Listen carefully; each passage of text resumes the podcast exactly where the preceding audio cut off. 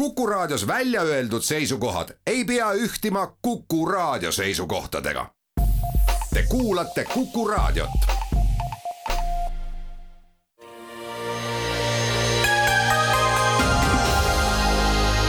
poliitikakuru, kui sina ei tegele poliitikaga, tegeleb poliitika sinuga. poliitikakuru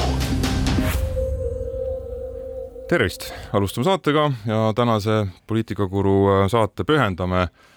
parlamentaarsetele punnseisudele ja, ja teerullidele ja stuudios on kohad sisse võtnud äh, Maris Helrand. tere! Tarmo Jüristo. tere päevast! ja Tõnis Leht, aga enne kui nüüd asume kinnitama siis tänase saate ametlikku päevakorda, et saaks saatega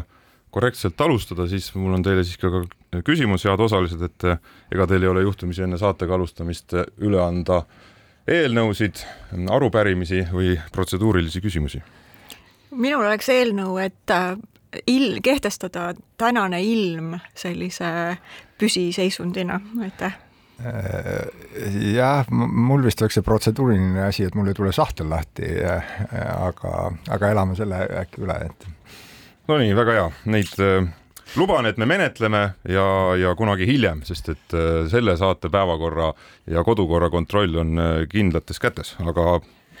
kinnitame päevakorraga ära, see on siis obstruktsioon ja, ja kui natuke aega üle jääb, siis räägime ka ummikutest mujal ehk siis Tallinnas, äh, linnas, räägime Türgist, räägime veel nipet-näpet. aga alustame siis nädala uudissõnaga, milleks on tuumanupu obstruktsioon. nimelt on Riigikogu veetnud sisuliselt juba terve oma selle töönädala äh, sellises tööeelses äh, seisundis. Äh, opositsiooniparteid on jaganud omavahel ära neljatunnised vahetused ja on siis sadade eelnõude ja lõputute arupärimiste ja, ja protseduuriliste küsimustega takistanud Riigikogu siis tegeliku töö alustamist sel nädalal ja opositsioon on, ise on seda nimetanud katseks sundida koalitsiooni mm, loobuma siis suurte oluliste seaduseelnõude teerulli menetlusest, alustama tegelikku debatti ja, aga tegema ka nendes eelnõudes äh, olulisi äh, muudatusi, järeleandmisi. koalitsioonist kostab aga vastupidi hääli, et tegemist on vaata et sellise põhiseadusliku kriisiga ja absoluutselt igasuguse debati tapmisega, enne kui debatt üldse alata saabki. aga kuidas teile tundub, et millega siis meil tegu on ja, ja, ja kas selline obstruktsioon on, on ka kuidagimoodi õigustatud? No selle põhiseadusliku kriisi äh, asjast kinni võttes, et, et siis ma siin äh, ikkagi nüüd juba niisuguse äh, eakama inimesena äh, mäletan, et äh, meil praktiliselt vist tõesti peaaegu igas äh, selles valimistsüklis korra tuleb see teema üles, et kas nüüd on põhiseaduslik kriis, et, et et, et mingi asi on äh, kuidagi, see on olnud mitu korda näiteks presidendivalimistega seoses, et et see küsimus, et kas, kas me nüüd oleme mingis olukorras või territoorium, mida põhi, põhiseaduse loojad ei suutnud ette näha või et, et ja, ja nii edasi. et see äh, jah, me oleme jälle mingis äh, selles mõttes uudses äh, sedalaadi asjas, mida põhiseaduse, põhiseadus detailselt ette ei näe ja ära ei reguleeri, aga, aga jah, me oleme sedalaadi asjades varem olnud ja mul selles suhtes on võib-olla niisugune mõõduks optimism, et, et küll me saame ka seekord hakkama sellega, et eks ta niisugune tüütu on, ega ta ei tee mingeid äh, teeneid poliitika usaldusväärsusele, tõsiseltvõetusele, võetavusele, parlamendi usaldusväärsusele äh,, laiemalt sellele, mida inimesed inimesed arvavad poliitikast ja nii edasi, et eks äh, siin on ka näiteks taga äh, võib-olla osaliselt vähemalt mm, see vastus küsimusele, et äh, miks Eestis ei ole valimisaktiivsus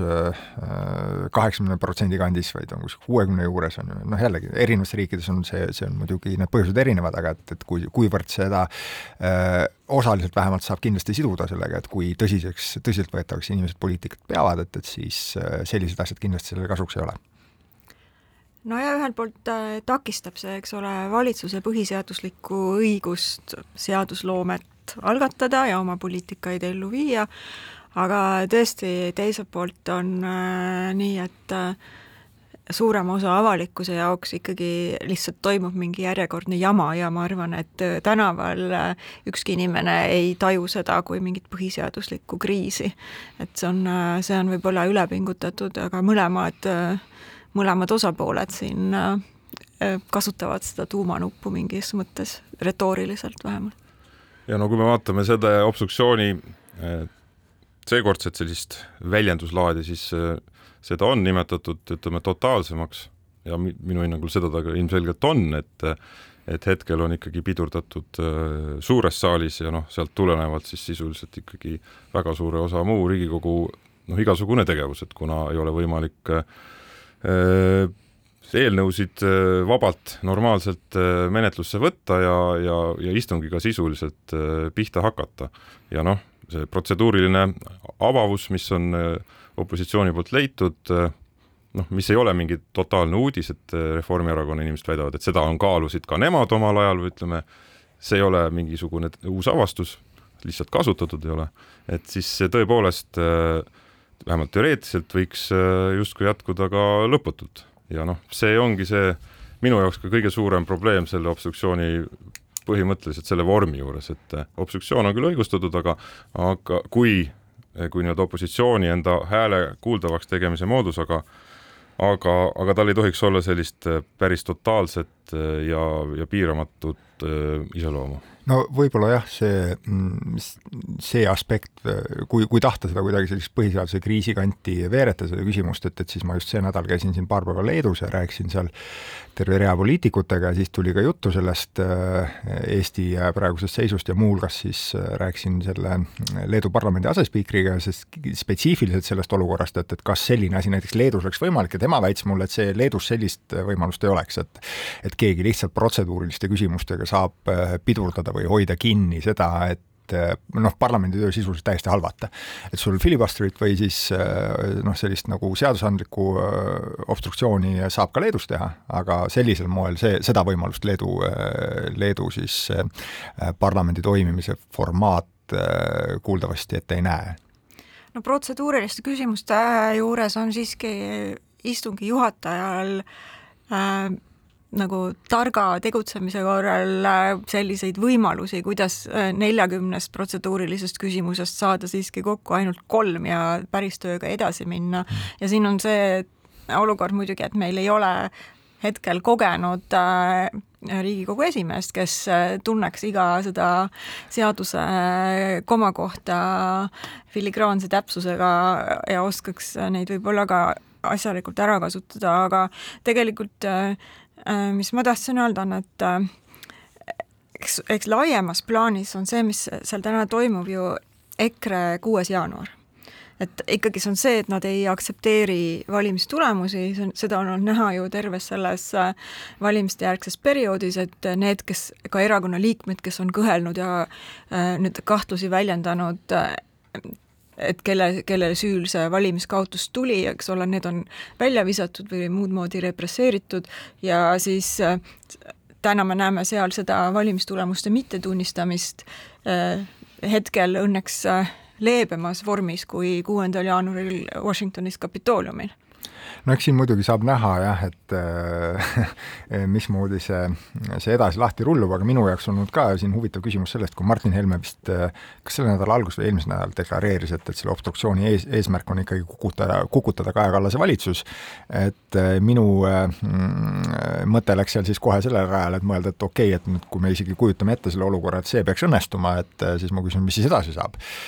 Sest noh, parlament on meil valitud ikkagi neljaks aastaks, eks, ja, ja seal on see kohtade jaotus, see aritmeetika võimaldab teatud laadi koalitsioone äh, ja,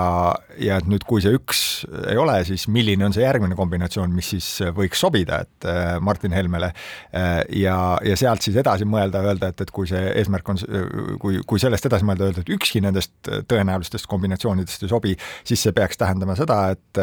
et, et kas EKRE seab sihiks erakorraliste valimisteni väljaminek, mida on ka vist paar inimest nagu vähemalt moka otsast väljendanud ja öelnud, ja selle jaoks jällegi on ju, eks, et Eesti riigi põhiseadus näeb ette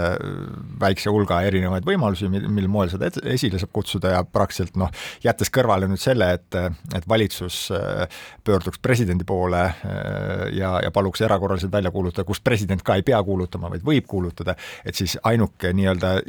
reaalne silmapiiril paistev võimalus oleks see, et kui riigieelarvet ei suudeta vastu võtta, mis saabuks siis järgmise aasta märtsis ja kui see obstruktsioon peaks tõepoolest kestma järgmise aasta märtsini, siis ütleme, on meil palju suuremaid probleeme kui, kui need, mille, mille üle me praegu arutame. no eks see obstruktsioon muidugi ei pea käima katkematult, et see on selline tuumanupp, noh, on küll ajakirjanduses öeldud, et tuumanuppu saad sa tõhusalt vajutada ainult üks kord, aga kuni Riigikogu kodukorra seadusega pole midagi ette võetud selles kontekstis, siis põhimõtteliselt saad sa ikkagi seda nuppu ju sõtkuda nii-öelda on-off režiimis et.... no jaa, aga see ei tooks siis kaasa seda e-, deklareeritud eesmärki, et valitsus äh, kukuks või tagasi astuks või erakorraliselt saaksid tulla, on ju, eks, erakorraliste jaoks oleks sul ikkagi noh, sisuliselt tõesti riigieelarvet vaja blokeerida. jah, no aga siis sellega saab hakata ka tegelema mm. -hmm. lihtsalt hiljem vahepeal siis nii nagu tänane siis avang on tulnud opositsioonierakondade esindajate poolt, et vahepeal võimaldades siis ka lahkelt koalitsioonil esitada eelnõusid Riigikogu menetlusse, et on tehtud ju ettepanek nüüd värskelt, et et mõned sellised ilma vastuoludeta eelnõud a la siis avaldus Ukraina NATO liikmelisusega toetuseks, siin Eesti Panga Rahvusraamatukogu nõukogu liikmete kinnitamine, et sellised punktid võiks, need, need eelnõud võiks Riigikogu menetlusse võtta ja, ja seejärel neid saab hakata siis komisjonides menetlema, aga seejärel ühtlasi siis obstruktsioon jätkuks, kuni suurtes küsimustes siis perehüvitised äh, maksueelnõud, et ei ole mingisuguseid kokkuleppeid, et, et sellist nii-öelda kinni-lahti meetodit võib ju teoreetiliselt ka tulevikus ette näha, aga selle kuuenda jaanuari võrdluse osas ma võib-olla ütleks, Maris, et, et noh, seni tehakse seda Eestis jah igati põhi, no ütleme, tõlgendamisruumi on, aga põhimõtteliselt ikkagi seaduse piirides, aga EKRE ei tee seda ilmselgelt ju praegu üksi, et, et Keskerakond ja Isamaa teevad seda koos EKRE-ga ja noh, nii nagu äh, EKRE pääses äh, äh, omal ajal valitsusse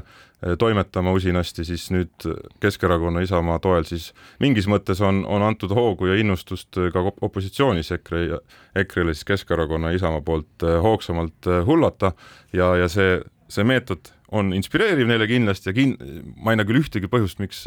EKRE peaks soovima nagu seda kodukorra nii-öelda auku tulevikus kinni lappida. Ja, ja siin on ju veel noh, asja teeb selles suhtes koalitsiooni poolt, kui otsida seda kompromissi ja kokkulepet, mida justkui siin noh, Jüri Ratas on väljendanud, et tuleks leida ja vaadata ja äh, Tanel Kiik vist kuskil mainis, ütles, et, et äh, see saaks Keskerakonna poolt võiks obstruktsiooni ära lõpetada siis, kui see perehüvitiste äh, asi tagasi võetakse, et siis oleks korras, aga noh, sel-, sedalaadi obstruktsiooni üle, üleval hoi-, üleval hoidmiseks tehniliselt ei ole EKRE-l vaja mm Keskerakonda ega, ega Isamaad, et, et saab, nad, siis ei oleks neljatunniste jaotustega, siis peaks EKRE üksi katma, et see oleks natuke rohkem äh, siis äh, noh, ajakulu sinna, on ju, eks, aga, aga tehniliselt see võimalus on, on seal olemas ka ühele erakonnale ja praegu nagu see kummaline seis ongi ju see, et et opositsioonierakonnad saadavad väga erinevaid signaale, mida oleks, mis nende eesmärgid on või mida oleks vaja äh, obstruktsiooni lõpetamiseks, et ühes otsas on just nimelt siis Martin Helme, kes ütleb, et, et eesmärk on ikkagi äh,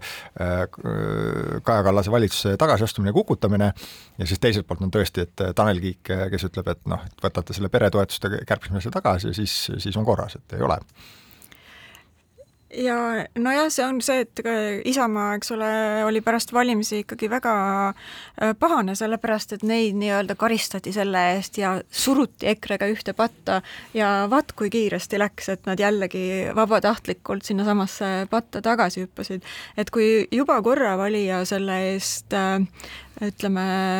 valimiskasti juures neid karistas, siis äh,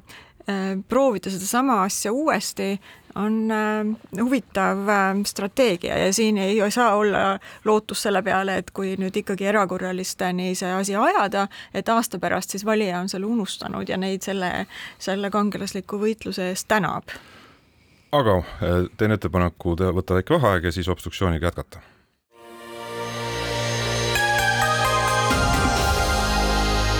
poliitikakuru, kui sina ei tegele poliitikaga, tegeleb poliitika sinuga. poliitikakuru. jätkame saatega stuudios Maris Heldrand, Tarmo Jüristo ja Tõnis Leht ja obstruktsiooni teemaga jätkame loomulikult. kas see obstruktsioon on mingil kombel siis ka koalitsiooni hoogsa seadusloomelise tegevuse Eh, poolt eh, nii-öelda põhjendatult esile kutsutud, et, et on ajakirjand-, on opositsiooni poolt, on ajakirjanduses, ja on ka erinevates huvigruppides, avalikkuses seadusloomelise teerulli silti selle valitsuse, uue valitsuse stardi külge tublisti riputatud? mina ütleks, et äh, jah äh,, tea-, osaliselt, osa opositsiooni puhul ma seda põhjendust ja seda argumenti suudan osta, aga Martin Helme puhul äh, ma ei usu, et see oleks, et see olukord oleks teisiti, kui valitsus oleks oma, oma seadusloomega äh, kuidagi teistmoodi alustanud. no eks äh no siin, siin on nüüd äh, mit-, mitu erinevat asja, mis äh, selle obstruktsiooni taamal nagu esile tuuakse, eks, et mida, mida võiks veidikene püüda eristada, et, et äh, üks aspekt on see, mis ka meedias hästi palju vastukaja sai kohe esimestel päevadel, on see, et et tuldi välja asjadega, mille jaoks ei ole mandaati küsitud ja see, selle argumendi osas nüüd, seal on ühelt poolt see nii-öelda moraalne tahk, et tõepoolest, et kui noh, ilus oleks olnud olla, rääkida lahti kõik needsamad need maksumuudatuste plaanid, aga seda ei tehtud ja et nüüd justkui sellepärast on, on suur pahameel, et, et tuldi nende maksumuudatuste, seal ma ütleks kahte asja, esiteks on see, et see, et Reformierakonnal oli plaan maksusid muuta, oli teada ja see, et Äh, oli oluline noh, põhjus äh, maksusid tõsta, oli, oli ka tegelikult äh, suhteliselt ikkagi noh, kes iganes vaevus vaatama eelarve seisu ja kuulama, kuidas Reformierakond rääkis sellest, et on vaja riigi rahandust korda saada ja see laenupeo tagajärgesid, tagajärgedega, mida ka siin saates on viimase paari aasta jooksul palju kajastatud, tegeleda, et, et see ei olnud kellelegi uudis nüüd äh, järgmine, mm, teine tahk selle juures on see, et, et küsida, et või kui on argument selles, et kuna äh, Reformierakond ei rääkinud maksutõusudest oma kampaanias, siis neil ei ole mandaati neid teha. see argument äh, juriidiliselt kindlasti vett ei pea, põhiseaduse paragrahv kuuskümmend kaks räägib, eristab, see kommenteeritud versioonis on juttu just nimelt eristusest vaba mandaat versus imperatiivne mandaat ja Eesti põhiseadus annab vaba mandaadi, mis tähendab, et parlamendisaadikud ei ole seotud oma varasemate lubadustega, äh, saavad teha asju, mida nad lubanud ei olnud ja põhimõtteliselt saavad teha ka vastupidist sellele, mida nad lubanud on. ja selle tagajärg on siis äh, juriidiliselt põhiseadus näeb ette seda, kommenteeritud versioonis on see sõnaselgelt mustvalgel ka öeldud, et, et siis on valijate asi äh, teha selle alusel järgmistel valimistel otsus. aga see ei saa kuidagimoodi piirata siis parlamendi vabadust teha oma valikuid vastavalt sellele, kuidas nad, kuidas nad tahavad ja vabalt. et need, need asjad on võib-olla kõigepealt äh, oluline äh, laua pealt, laua pealt kõrvale saada, öelda, et, et siis kui me hakkame nüüd päriselt selle sisuga tegelema, et, et kas Reformierakonna poolt ja siin eelkõige siis probleem on just, eks on ju, Reformierakonna maksueelnõudega, äh, tulumaksu, maksuküüru teemaga, mille puhul kindlasti ei saa öelda, et Reformierakond ei oleks mandaati taodelnud, et sellest oli, oli juttu palju, on ju, siis käibemaksu asi, mille kohta saab öelda, et ei olnud seda eraldi otseselt selliselt küsitud.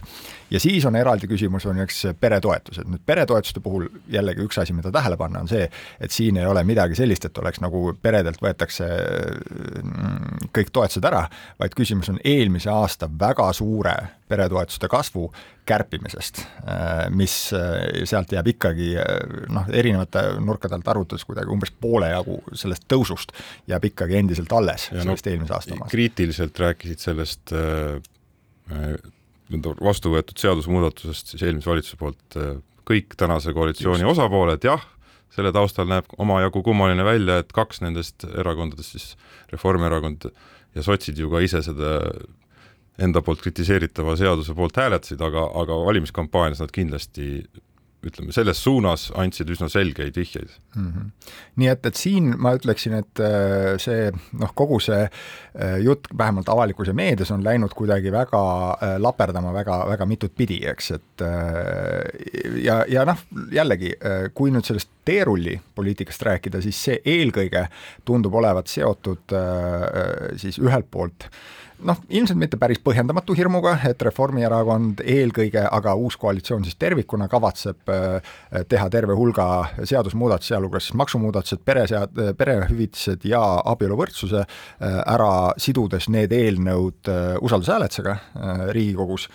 mis jällegi ei ole midagi ennekuulmatut, on ju, eks, aga noh, see on see, see nii-öelda see teerulli aspekt. Ja ilma, et saaks nende üle suurt debatti pidada. nüüd maksuküsimuste probleem või häda on, on ju eks muidugi see, et äh, maksukorralduse seadus näeb ette, et maksu, äh, maksumuudatused peaksid olema välja kuulutatud vähemalt kuus kuud enne seda, kui nad jõustuvad, ja siin tuleb teine aspekt sisse, et kui näiteks käibemaksu saab tõepoolest muuta ka aasta sees, siis üksikisiku tulumaksu muutmisega on asjad keerulisemad, see peaks olema muudetud esimesest jaanuarist, sul on maksustamisperiood on aasta. ja kui sa seda ei tee, siis see justkui nihkub jällegi edasi kaks tuhat kakskümmend viis aastasse ja see on koht, et kus siis ka Kaja Kallas on öelnud, et et sellega meil ongi kiire, et, et see ongi, need muudatused no, ongi vaja kiiresti tulumaksu tõusu plaan oligi kaks tuhat kakskümmend viis algusest mm, -hmm. et, et, et, et need maksutõusude plaanid on siis ikkagi kaks tuhat kakskümmend neli algusest käibemaks, aktsiisid, hasartmängumaksu tõus, et mm, -hmm. et vaba mandaadi osas mulle mm. ikkagi meenus eredalt ka see, kuidas Jüri Ratas ju lubas kaks tuhat üheksateist, et ta EKRE-ga koalitsiooni ei tee ja siis tegi, et see, see, sellele tal ju ka mandaati ei olnud, eks ole, nii et selles mõttes see argument alati, alati need asjad, mis sa teed, tulevad, jõuavad su juurde tagasi, aga nüüd iseenesest selle üks noh, jõudes juba siin tegelikult lahenduskäikudeni, selle, seda, see obstruktsioon, ka seda teerulli ju lõputult ka ei välista, sest et ikkagi ühel hetkel on valitsusel võimalik äh, erakorralise istungiga see, need, need paketid äh, päevakorda panna, usaldust teha ja need vastu võtta, sõltumata sellest, et nüüd äh, opositsioon on iseennast siin nädalate viisi kurnanud mm. -hmm no ma tuleks korra tagasi ka selle siis teerulli äh, adekvaatsuse või selle sildi adekvaatsuse juurde, juurde, et esiteks ma arvan, et muidugi see mandaadi küsimus ja ka see, kuidas äh, koalitsioon on nüüd äh, neid äh, maksu, peretoetuste ja ka, ja ka teisi siis abieluvõrdsuse ja, ja, ja, ja siis Nursipalu teema eelnõusid menetlenud, et sellel, ma arvan, puudub igasugune seos konkreetse obstruktsiooniga, noh, selle, et see obstruktsioon oleks tulnud nii või naa. küll aga on valitsus jah sellesama tiheda graafiku tõttu lõiganud endale avalikkuse silmis äh, protseduuriliselt sügavalt näppu, et äh, see ei näinud kuidagimoodi hea välja, kui ridamisi need kõige olulisemad eelnõud saadeti kooskõlastusringile äh, paari, kahepäevaste paari, paaripäevaste, no ütleme, naeruväärsete tähtaegadega, mis igal juhul ei meeldi ei omavalitsustele, ei nendele huvigruppidele, keda justkui kaasatakse, et see jätab igal juhul halva mulje et eh, kui selle taustal on mingil määral arusaadav soov, siis eriti just maksuseadustega saada juuni lõpuks Riigikogust läbi, jättes samal ajal Riigikogu menetluseks ilma, et sinna planeeritakse sisse automaatselt usalduse hääletusi, nii-öelda normaalse protseduuri enam-vähem, et seetõttu tõmmati siis lühikeseks see eh, eelnev kooskõlastusring, aga see jättis koheselt sellise, see jättis automaatselt eh, teerulli sildi külge, mida ei pidanud ka opositsioon kuidagi riputama, vaid tegi ära ajakirjandus, tegid ära ettevõtjad, tegid ära omavalitsused ja nii edasi, et, et seda tuleb nüüd takkajärgi tõdeda, et oleks tulnud vältida ja ikkagi ka selles lõigus teha enam-vähemgi normaalne selline normaalselt välja nägev äh, siis kooskõlastusringi aeg ja riskida siis sellega lihtsalt, et võib-olla Riigikogus jääb mõne asja vastuvõtmine väga napiks või on vaja lisa erakorralisi istungeid jätkata pärast äh, suvevaheaja algust veel, veel ka, ka juulikuus tööd, et et seetõttu see teerulli silt külge tuli aga sellest ei sõltunud kuidagimoodi, ma väidan, kuidas opositsioon on oma taktikat nagu valinud. aga kuidas me sellest siis välja tuleme? no eks äh, mina arvan, et äh, nii Keskerakonnal kui Isamaal on ikkagi äh, nagu läbiräägitav hind, et et nendega on võimalik kokkuleppele jõuda ja siis ka see töökorra või kodukorra seaduses auk lappida, enne kui edasi minna, mis on ju ka selgelt koalitsiooni praegune plaan, et enne, kui see auk on kinni, ei hakata üldse edasi millegagi tegelema, aga EKRE puhul ma ei oska öelda, mis see hind on. see, see on äh, täielik äh, must luik siin jah, ja EKRE-l on, noh, kui ma siin enda nagu äh, töökohustuste pärast ikkagi jooksvalt hoian ka silma peal nendel mm, nii EKRE kui Objektiivi uudisvoogudel ja, ja kommentaaridel, siis seal on küll ikkagi noh, täielik selline pidu, et andke tuld, et täpselt õiget asja teete ja see on jõudu, jõudu kõigile ja pidage vastu ja ja kukutage see valitsus ära, et, et siis kui jah, Keskerakonna, Isamaa valijaskonna seas ilmselt on see, see rinne palju pehmem selles osas, et kui, kui lõhki seda pilli puhuda tahetakse, et siis EKRE poole peal ma olen nõus, et, et seal mul on raske näha, et, et mis see, mis see kokkulepe selline olema peaks, et äh, millega kuidagi mõistlikult saaks teha, sest noh, näiteks ütleme seesama see küsimus, see maksuseaduse neljaks paketiks äh, jaotamine, et, et see oli, eks ju, lihtne, lihtne asi teha, aga, aga see kuidagi EKRE-t äh, ei, ei nihuta nendes asjades, et see absoluutselt ei, ei mõjuta. Seda, mismoodi nemad käituvad ja nagu siin me esimeses saateplokis rääkisime, et, et siis isegi kui sa lõpuks mõõdad, te, teed mingi kokkuleppe Isamaa ja, ja Keskerakonnaga, siis see EKRE puhul ei pruugi neid kuidagi nihutada, sest seda enam, et eh, siin alguses ju vaata EKRE eh, selle opositsiooni poolt jäeti ilma sellest Riigikogu mm, siis aseesimehe kohast, et, et mis, mis neile justkui oleks tava järgi pidanud kuuluma, et siis võib-olla seal ka ei ole erilist põhjust neil nii-öelda tava, tavareeglite järgi mängida seda asja. Jah, ütleme Keskerakonna Isamaaga on võimalik koalitsioonil kokku leppida ma usun, et Keskerakond, Isamaa ei taha ka lõputult jääda sellesse obstruktsiooni vedaja rolli, et igal juhul selline lõppematu või väga palju korduvalt jätkuv äh, töö takistamine ikkagi lõpuks keerab takistajate vastu ka avalikkuse silmis, äh, kuni siiski ka osaliselt võib-olla nende toetajateni välja või noh, ütleme tuumiktoetajad muidugi on nõus, aga aga, aga lõputult see avalik arvamus obstruktsiooni taga positiivselt ei püsi, nii et äh, mingeid kokkuleppeid on tarvis saada ja noh, ma usun, et on võimalik ka perehüvitiste teemal mingisuguseid nii-öelda mõlema poole siis koalitsiooni ja Keskerakond, Isamaa nii-öelda nägu päästvaid kompromisse siiski teha, eeldusel, et ei, ei jääda selle juurde, et nõutakse nagu ultimatiivses mõt-, võtmes kapitulatsiooni koalitsioonilt, et võtke kindlasti see eelnõu tagasi, et noh, kindlasti on võimalik ikkagi kokku leppida nii, et et need muudatused tulevad sellesama eelnõu raames ja noh, juba, eks ole, koalitsiooni poolt ikkagi kostab, kostab ka ju muresid seoses äh, majutusasutuste käibemaksu väga järsu tõu-, tõstmisega ja noh, see oleks, see on üks koht, kus on võimalik teha siis maksude poolelt äh, selline väike sümboolne samm, mis oleks ka sisuliselt ühiskonnale arusaadav ja laiem avalikkus kiidaks, ettevõtjad kiidaks selle kindlasti heaks ja, ja siin mulle tundub, et tegelikult nüüd vähemalt selle noh, viimase nädala jooksul ma nüüd see nädal tegelikult on saanud meediat natuke hõredamalt jälgida, aga, aga mulle on tundunud, et siin on väike toonimuutus olnud ka selles osas, kuidas meedia on suhtunud äh, obstruktsiooni, et kui esimese hooga oli, oli väga selline toetav mõte, et jah, et, et sellele teerullile opositsioonil ongi õigustatud vastu seista, et siis nüüd praegu paistab, et hakkab tasapisi pärale jõudma, et äh, mis, äh, mis asjaga siin mängitakse ja mis siin see noh, nagu mänguplaan olema paistab ja mis selle tõenäoliselt taga tagajärjed olla võiksid. aga kodukorraseadust eh, muuta nii, et EKRE sellele on täiesti vastu, on mm., eh, on sisuliselt ju võimatu, sest EKRE, see, seda ei saa algatada valitsus, noh, formaalselt saab, aga, mm. ja saab isegi selle siduda usaldusküsimusega, aga see oleks üheselt ikkagi võimude lahususe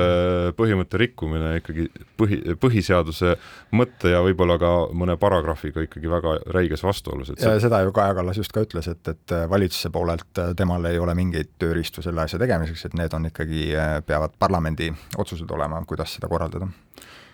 no mingis mõttes on siin mängu toodud juba president, eile oli valitsus presidendi juures ja arutati seda asja, aga mina ausalt öeldes ei oska küll öelda, et mis see tema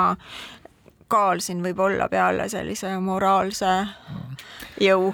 no ikkagi nagu niisuguste obstruktsioonidega jällegi varasemalt ka olnud on, et ma ütleks, et äh, aeg on see kõige nagu äh, tõhusam ravim selliste asjade vastu, et, et, et ootame nädal aega ja vaatame, mis, mis seisus siis on, sest äh,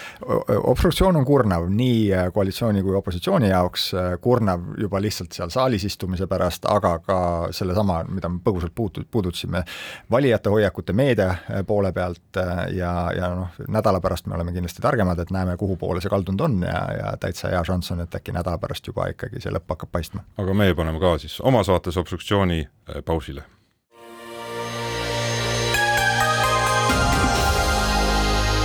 poliitikakuru, kui sina ei tegele poliitikaga, tegeleb poliitika sinuga. poliitikakuru jätkame saatega stuudios Tarmo Jüristo, Maris Heldrand ja Tõnis Leht ja obstruktsiooni teemaga oleme saate sisustanud. Võiks öelda, et selle teema juurde mingis mõttes jääme, et üleval Toompeal tõepoolest ollakse jõudnud omadega nii-öelda poliitilisse parlamentaarsesse ummikusse, aga aga siin meediat ja sotsiaalmeediat ja inimeste suhtumist jälgides tundub, et, et ka alllinnas on eh, lihtrahva elu üsna keeruliseks läinud, sest et et selline ummikute aeg on äh, jõudnud kohale ja, ja suviste siis eriti rohkete teetööde äh, tõttu on ummikuid äh, kuidagi eriti palju ja ka, ja ka nördimus ja selline pahameeletorm on eriti sel nädalal olnud eriti suur ja tipus, aga, aga milline on teie hinnang, et kas see on selline tüüpiline iga-aastane hädaldamine, et kui, kui suvi hakkab lähenema samas võtmes nagu siis, kui, kui ütleme, detsembri alguses jah, tuleb esimene saamaks lund ja, ja sahk ei jõua kohe kohale ja, ja, ja kingad all libisevad, et või on siin midagi ikkagi tõsisemat ja sümptomaatilisemat? aga ma küsiks, kuidas te siia tulite täna muidu stuudiosse? mina tulin autoga ja ei olnud tee peal selliseid remonte, mis mind oleks kinni pidanud, sest tulin Nõmme suunalt ja ei üritanud läbi kesklinna nende kaevikute tulla Äh, mina tulin jah Toompealt just ja siis äh, korraks mõtlesin seda asja läbi, muidu oleks trammiga tulnud jah, aga, aga siis äh, lihtne lahendus on, võtsin Bolti tõuksi ja tulin selle ja, ja ma olen siin juba mitu päeva mõelnud, et, et Boltil on praegu ikkagi jõulud vist, et et see tundub mulle, mina olen küll päris palju oma tavalisest rohkem kulutanud nüüd Bolti tõukside peale, sest see on niisugune tõepoolest ainuke niisugune lihtne ja mugav moodus linnas võimalikult sirget joont pidi ühte ühte, ühest kohast teise saada, see, Tõnis, mida sa kirjeldasid, et trenni minnes ma kasutan ise ka seda, et ma sõidan nagu ringiga mööda. aga noh, nüüd oleks ilmselt see koht, kus me saaks rääkida pika ja kurva loo sellest kikilipsukujulisest Tallinnast ja ja sellest, et kuidas, mis juhtub, kui sinna keskele auku kaevata, et siis äh, see, see noh, mastaap mulle tundub, on, on noh, seekord jah, teist, teist laadi. jaa, ei no tegu ei ole ju kindlasti tavapäraste suviste augulappimistega, on ju, et ikkagi siin on nagu kuidagi huvitavalt planeeritud, et äh, mitmed väga mastaapsed suured tööd on kokku langenud, esmaspäevast alates läheb Liivalaia ka veel osaliselt kinni sinna juurde, et palju õnne meile, aga nagu mina sõidan jalgrattaga ja selles mõttes ratturite kogukonnas on nagu jälle niisugused rõõmupäevad, et kõik mm. hõiskavad, kuidas noh, sest su parim äh, selline emotsioon tuleb sellest, kui sa lähed, möödud kümnetest ja kümnetest seisvatest autodest, kus reeglina istub sees üks inimene ja ma imestan iga päev, et noh, me võime muidugi, ütleme, üks pool ongi see, et kuidas, kuidas selliseid töid on planeeritud ja kas need kõik on mõistlikud ja kas neid saaks paremini planeerida. ja siin ma olen absoluutselt äh, kriitiline, aga teiselt poolt on ka see, et äh, liiklejana sa oled selles paratamatus olukorras ja mitu päeva või nädalat järjest sa nagu peaga jooksed siis vastu seina, et sa ei hakka otsima alternatiive kas liikumisvahendi või aja suhtes, et äh, iga jumala päev istud sa seal ummikus no ütleme, ma, ma siin selle äh, natuke eristaks seda, ütleks, et üks aspekt, kus ma olen täiesti nõus, loomulikult on jah see, et üks inimene autos ja need suured ummikud, et, et mida, kus inimesed püüavad ikkagi sealt siis äh, keskelt läbi saada oma autodega, on ju, eks. aga see äh, asi on toonud kaasa ka siin trammiliinide kinnipanemise, on ju, eks, et mis on lõiganud ära kogu selle Ülemiste ja, ja Lasnamäe kesklinna suuna, kus, kus on ikkagi päris oluline trammi, trammi mm, trass olnud. ja, ja siin tasapisi nagu muidugi harjub sellega, aga kui kogu aeg jälle mingi järgmine asi kinni läheb, et, et ka noh, näiteks seesama see, mida ma juba mainisin, see autoga trenni minek, et siis, kui sa kellaaja peale lähed ja sa avastad, et nüüd siin eh, üleeile sai, aga, aga nüüd vahepeal on, on jälle mingi, mingi muudatus tehtud ja kus on bussid ja autod kõik järjest eh, kinni ja sõida ennast müraki kinni sinna, tagurdada välja enam ei saa, siis see on koht, et kus sa mõtled, et noh, jah, et, eh, et eks siis tuleb ümber kohaneda, aga, aga praegu paistab Tallinna poolt vaadates küll jah, see, et, et mõistlik joon oleks võtta see, et, et suvel kesklinnas liigud tõesti kas jala või rattaga ja, ja, ja siis arvestad, et noh, need paar trammiliini, mis olemas on, et tramm käib väga kiirelt muide, bussid on ka ummikutes igal mm. pool, aga trammiga saab kergelt. ja see ongi see probleem, et, et inimesed, kes ta, tahavad siis valida ühistranspordi, bussi, istuvad ju samamoodi bussid mm ka mhm. nendes samades ummikutes. ehk et võib-olla see on nagu radikaalne ja tõenäoliselt ka linnapea valijate jaoks ülimalt ebapopulaarne, aga minu meelest Evelin Sepa ettepanek tipptunnil kesklinnas ikkagi äh, eraautode liiklust piirata on mõistlik, sest muud moodi see ei lahene. Evelin Meil... Sepa ettepanek on viidud ellu selles mõttes jah, aga lihtsalt osalise, liikluse osalised ei ole sellest veel aru saanud. et üks lootus on, et kohe, kohe hakkab koolivaheaeg ja siis see kõik laheneb, aga need tööd ei lõpe septembriks mm. -hmm ehk kui, ja september on meil alati ummikuid täis, sest inimesed kuidagi äh, on ärevuses sellest kooli algusest, et ma ei kujuta ette, mismoodi see see aasta välja näeb. no see on kindlasti õige, et ähm, suurem osa, võimalikult neid töid loomulikult suvele planeerida, et äh, see on õige ja tagajärg võib-olla ka soovimatu tagajärg äh, on see võib-olla ka positiivsena näha, et, et peletab siis inimesi autodega reaalselt eemale ja võib-olla ka pärast suve ja sügisel, et eks see peletamine on ju ka ikkagi eh, käitumise mudimine ebameeldival eh, moel, aga minu jaoks on nagu kõige suurem küsimus on, et kas kas lisaks sellele peletamisele, ebameeldivusele, mis liiklejaid ikkagi ka ühistranspordis ja ka jalaga liiklejaid ja rattureid siin tolmu ja kõigi nende takistuste näol tabab lisaks veel elanikud, kes selle kõige keskel on, et et kas sellest siis ka midagi pikemas perspektiivis nagu päriselt paremaks läheb, et see on võib-olla see kõige suurem küsimus, mida noh, praeguseks muidugi need tööd juba kõik käivad, ega seda enam ei muuda, aga aga kas või seesama jah, debatt selle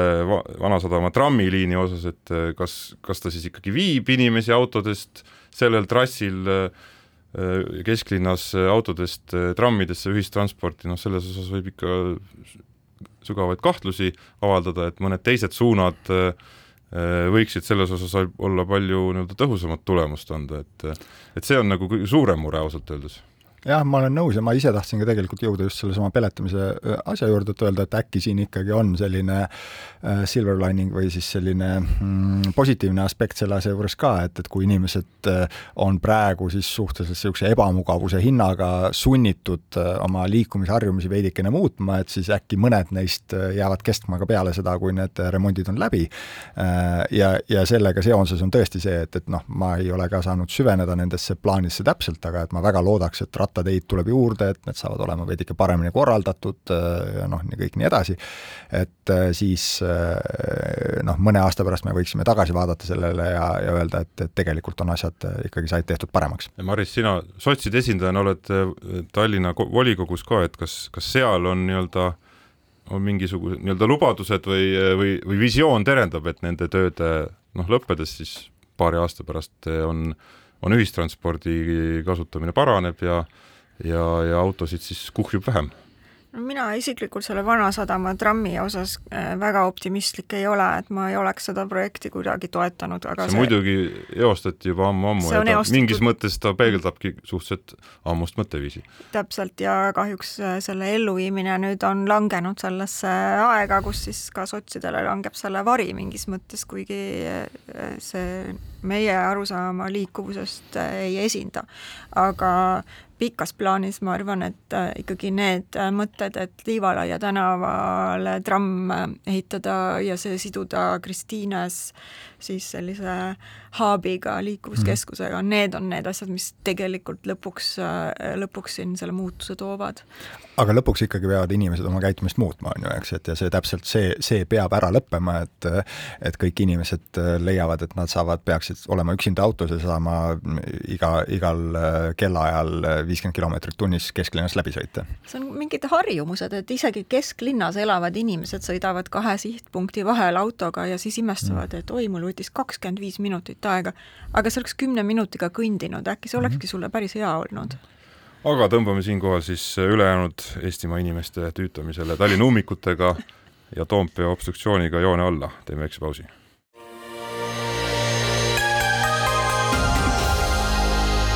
Poliitikakuru, kui sina ei tegele poliitikaga, tegeleb poliitika sinuga. poliitikakuru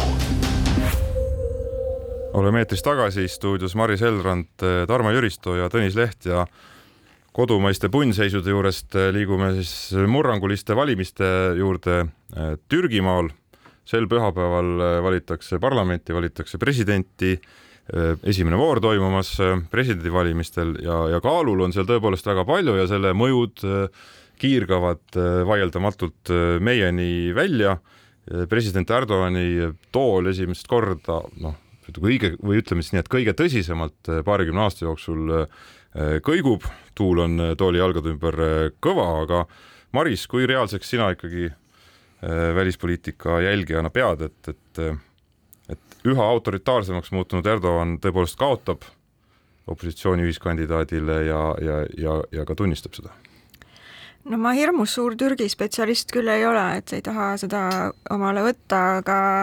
vaadates äh, äh, nagu meediat pilti nii Türgis kui üle Euroopa, tundub, et see on tõesti siis ikkagi, peetakse seda esimeseks reaalseks võimaluseks opositsioonil seda kakskümmend aastat, kakskümmend üks aastat püsinud äh, võimu seal äh, kõigutada ja eks Türgi majanduslik olukord on ikkagi väga palju kannatanud selle Erdogani tegevuse käes, et võib-olla siis äh, tõesti valijatel on, on äh, see tahe olemas. Äh, mis mulle ka veel silma paistis, oli see, et et pollijad, avaliku arvamuse uurijad on tegelikult hästi plindris, et nad ei näe enam seda pilti, mis tavaliselt oli, et väga palju on seda seda musta auku, mis on teadmata, nii et jube raske on seda ennustada aga äh, noh, ma pakuks, et esimeses, et see presidendivalimiste asi läheb siiski äh, teise vooru, et mhm. alles mai lõpus selgub siis kahe pearivaali vahel see tulemus nojah, see äh, täpselt nagu Maris ütles, et, et see, see pilt praegu paistab hästi napp ühelt poolt ja teiselt poolt ebakindel, eks, et, et on, on raske, raske isegi öelda, et kui, kui napp ta on, et selle, selle pealt, mis näha on, paistab napp. aga võib-olla, millest me siin äh, ei peakski väga meie roll olema ennustada, et, et kumba pidi valimised lähevad, et äh, selle pealt, mida praegu teada on, on noh, võimalik mõlemat pidi, et opositsioonil on napp edu nende praeguste numbrite küsitluste järgi, aga, aga see ei ole jah, sugugi piisav selleks, et, et ennustust teha, aga võib-olla me saame vaadata jah, selle peale, et et mis on nende valim-, mis seal kaalul on, et mis on tagajärjed siis, äh, kui ta läheb ühte või teistpidi ja, ja seal on tõepoolest, nagu Tõnis äh, juba mainis, eks, et, et on asjad, mis meieni välja kiirgavad, et, et seal võib-olla kõige selgem ja otsesem äh, küsimus on küsimus NATO äh, laienemisest siis äh, Rootsi osas, et see on see, mis on praegu Türgi äh, taga kinni olnud ja saab näha, kuidas, kuidas sellega siis läheb, et see on, see on üks asi, mis on kaalul nende valimistega seoses. ja teine äh, päris oluline aspekt on siis see, et, et detsembris ähm, tulevad siis ähm, uuesti äh, päevakorrale ja teemale küsimused Euroopa Liidu laienemisest, äh, kus on siis küsimus eelkõige siis on olnud Balkani riikide Euroopa Liidu kandidatuuride järgmistest sammudest. eraldi küsimus on siis Ukraina ja Moldova kandidaatriigi staatustega, et kui tõsiselt neid võtta, kui kiirelt edasi liikuda, mida, mis ootused ja asjad seal on aga sinna juurde, mis võib-olla ütleme noh, needsamad need Balkani äh, riikide liitumised ja Ukraina ja Moldova küsimused on juba väga keerulised, aga küsimus siis kolmekümne seitsmendast potentsiaalsest liikmesriigist ehk Türgist äh, on sellest veel keerulisem. ehk need, äh, need väljakutsed ja, ja asjad, millega tuleb vastamisi seista, on, on seal väga suured ja, ja nende olemus saab olema ilmselt väga kõvasti mõjutatud sellest, et kas siis Erdogan võidab või kaotab no siin on Euroopale ka natukene selline catch twenty two, et äh, ühelt poolt äh, Euroopa ja läänemaailm on äh, noh, eluliselt huvitatud sellest, et Türgi liiguks tagasi demokraatlikuma korra poole ja oleks liitlane, kelle peale saab loota ja kogu see suur majandus ja nii edasi, aga teiselt poolt siis see tekitab ka moraalse kohustuse täpselt selles laienemise kontekstis, et Türgit on hoitud siin ootel ma ei tea, aastakümneid juba, eks mhm. ole, ja praegu, kuni Erdogan on selline semi äh, autoritaarne valitseja, on nagu seda lihtne põhjendada, aga kui ikkagi toimub nüüd selline pööre, siis on äh, iseendale moraalselt seda keerulisem ja aga ta jääb selles mõttes endiselt keeruliseks asjaks, on ju, eks, et noh, hästi, Türgi on hästi suur riik, Ukraina samamoodi hästi suur riik ja selle absorbeerimine nii-öelda nagu Euroopa Liidu struktuuridesse, Euroopa Liidu majandusse on väga-väga keeruline, lisaks on hästi suur islamiriik, mis äh, tähendab Euroopa jaoks äh, omaette väljakutseid, terve hulk, äh, või no mitte terve hulk, aga siis Euroopal on olnud selliseid ütleme, õppimise momente seoses näiteks Ungari valitsuse ja, ja sellega, mida siis Orban on teinud, et, et isegi kui me ei räägi Erdoganist, et ise, Erdoganist, isegi kui me räägime noh, teist laadi valitsusest või režiimist Türgis, et, et siis see küsimus sellest, et kui sa tood sisse mingi ühiskonna, kellel on mingites küsimustes noh, diametraalselt teistsugused või oluliselt teistsugused lähtekohad ja vaated ja väärtused, siis kogu seda mm, tsirkust on raske koos hoida aga muidugi võtmeküsimus konkreetselt valimiste osas on jah, kas Kilistaroglu suudab võita või mitte, aga see, see ei sõltu ainult rahva tahtest, ikkagi omajagu suur küsimärk on, et kas ka, kas ka istuv president ja tema režiim aktsepteerib. ka, ka aktsepteerib seda ja kas ka valimised on ikkagi protseduurina piisavalt ausad või neid püütakse varastada, sest et üldiselt see pilt, mis kampaania pole ju kindlasti võrdne, et riigistruktuurid, opositsiooni tagakiusamine, kohtu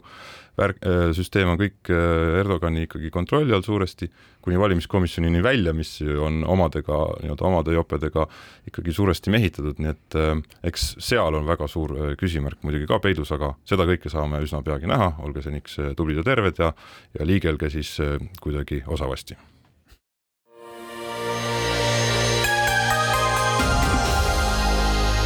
poliitikakuru, kui sina ei tegele poliitikaga, tegeleb poliitika sinuga. poliitikakuru